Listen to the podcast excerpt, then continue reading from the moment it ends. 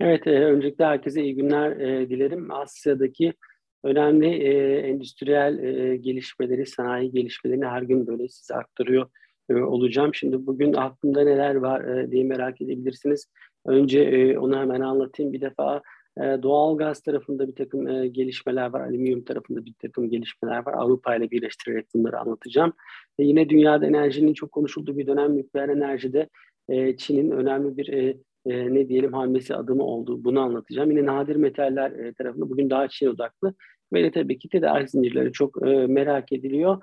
E, Nike'ın e, penceresinden Nike fabrikalarının e, e, işleyişi üzerinden biraz tedarik zincirlerine değinmeye çalışacağım. Şimdi Avrupa'da doğalgazda bir sıkıntısı var. Vadeliler koptu. Yani e, tam anlamıyla koptu. İşte e, 160, e, 170, 180 avrolara çıktı. Hollanda'da benchmark e, e, emtia piyasasına bak, e, bakarsak, pazarına bakarsak o da tabii ki elektrik piyasasını alt üst ediyor.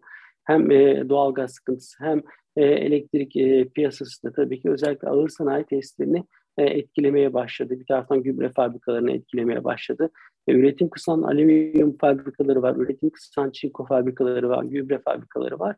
Bir taraftan da tabii ki ısınma e, sorunuyla şu anda e, karşı karşı stoklarından yiyor Avrupa. Eğer kış böyle giderse tabii ki bir enerji krizini tekrar konuşuyor olacağız. Şimdi bütün bu e, arka planda bir de Asya tarafında aslında e, biraz Avrupa'yı destekleyici gelişmeler var. Bunlardan bir tanesi genel olarak hava, ılıman ve mevsim normallerinin üzerinde seyrediyor.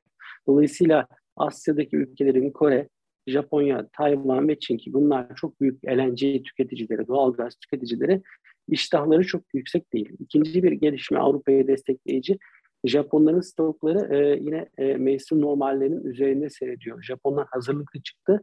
Normalin %30 e, daha fazla e, daha fazla e, depolamışlar e, Japonlar. Bu da onların iştahını biraz kısıyor.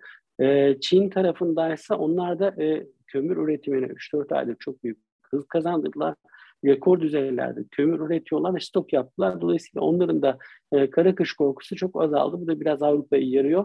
E, daha da somut e, bir örnek vermek gerekirse nasıl e, e, diye e, bu hafta 9-10 tane çok büyük e, LNG tankeri Asya'dan e, Avrupa'ya doğru yönelmeye başladı aslında. Bunlar Asya limanlarına gidiyorlardı ama e, döndüler Avrupa'ya yöneldiler. Bu açıdan destekleyici gelişmeler. Şimdi alüminyum tarafında da anlatmaya gerek yok. 2-3 gündür zaten alüminyum sanayi metalleri arasında çok öne çıkıyor.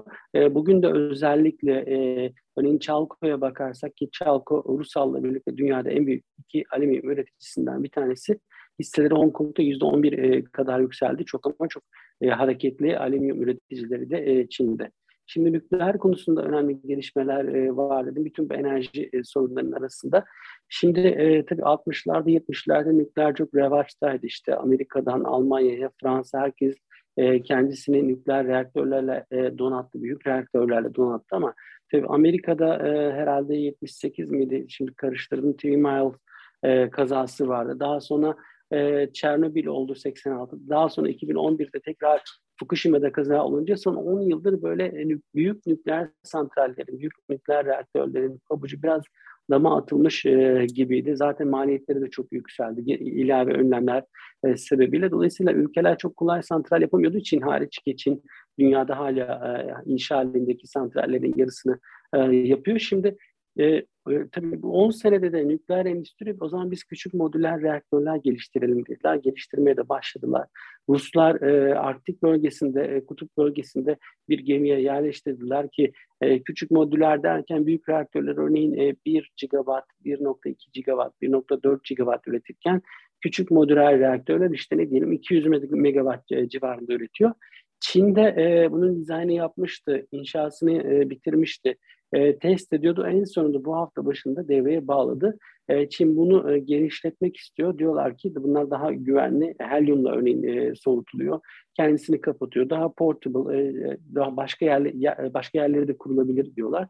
Lafı çok e, uzatmayayım. Modüler e, reaktörler enerji tarafında böyle nükleerde daha öne çıkacak gibi. Tabii dekarbonizasyon dönemindeyiz, iklim değişikliği dönemindeyiz. E, bu tür reaktörlerin adını daha çok e, sık e, duyabiliriz. Nadir metaller konusunda da bir gelişim var. O da tabii Çin'le ilgili. Şimdi anlatmaya gerek yok. Nadir metaller e, işte kullandığımız telefondan e, uzay roketlerine kadar, otomobillere kadar her yerde elzemler. Yani çok küçük oranlarda, küçük küçük miktarlarda kullanılsalar da elzemler. Bunun arzı da Çin'in elinde. Neden Çin'in elinde? Çünkü sadece Çin maden açısından zengin değil, evet e, zengin ama bir taraftan da e, çevre ülkelerden bu madenleri topluyor. E, ölçek ekonomisiyle birlikte çok düşük maliyetlerle metal e, haline getiriyor ve dünya arzının işte yüzde yetmişini, yüzde seksenini, kimilerine göre yüzde seksen beşini e, karşılıyor. Şimdi e, Çin'in bu egemenliğine karşı da Avrupa'nın, Amerika'da, Japonya'nın bir takım girişimleri vardı. Çin de şimdi buna reaksiyon gösteriyor. Nasıl gösteriyor? Sektörü konsolide ediyor. 3 tane 3-4 tane büyük şirketi birleştirdi.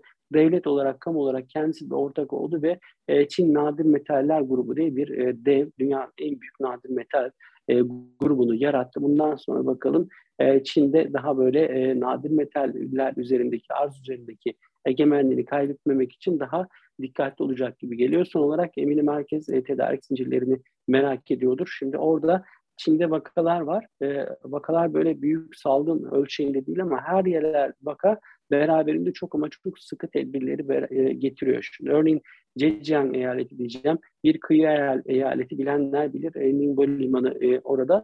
E, özellikle otomotiv parçaları endüstrisi için dünyanın en önemli bölgelerinden bir tanesi. Orada örneğin önlemler var. Yine e, Nike'un e, bilançosu, Nike bilançosunu açıklamıştı. Orada tedarik zincirlerine ilişkin olarak bir takım ibareler vardı.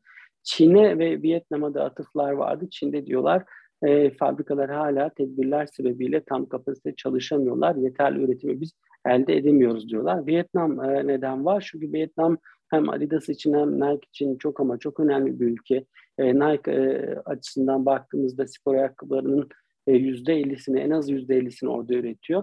Orada tabii yaz aylarında çok e, korkunç bir e, salgın vardı. Dolayısıyla e, bütün fabrikalar neredeyse kapanmıştı ya da üretimlerini kısmışlardı. Şimdi Nike diyor ki onlar tekrar operasyonel oldu hepsi fakat e, üretim hala eskinin yüzde sekseni e, kadar diyor. Dolayısıyla e, tedarik zincirleri evet belki e, düzeliyor ama hala e, uzak doğuda sorunlar da devam ediyor. En azından Nike'ın e, merceğiyle e, perspektifinden e, bakarsak.